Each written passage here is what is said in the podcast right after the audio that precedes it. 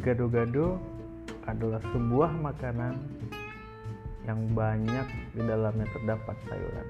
Ada kentang, ada kangkung, ada toge, ada mie dan lain-lainnya. Ya, seperti itu hidup. Banyak hal yang terdapat di dalamnya. Ada kesedihan, ada kegembiraan, ada kekecewaan, ada kehangatan, ada kerinduan, dan ada kesepian.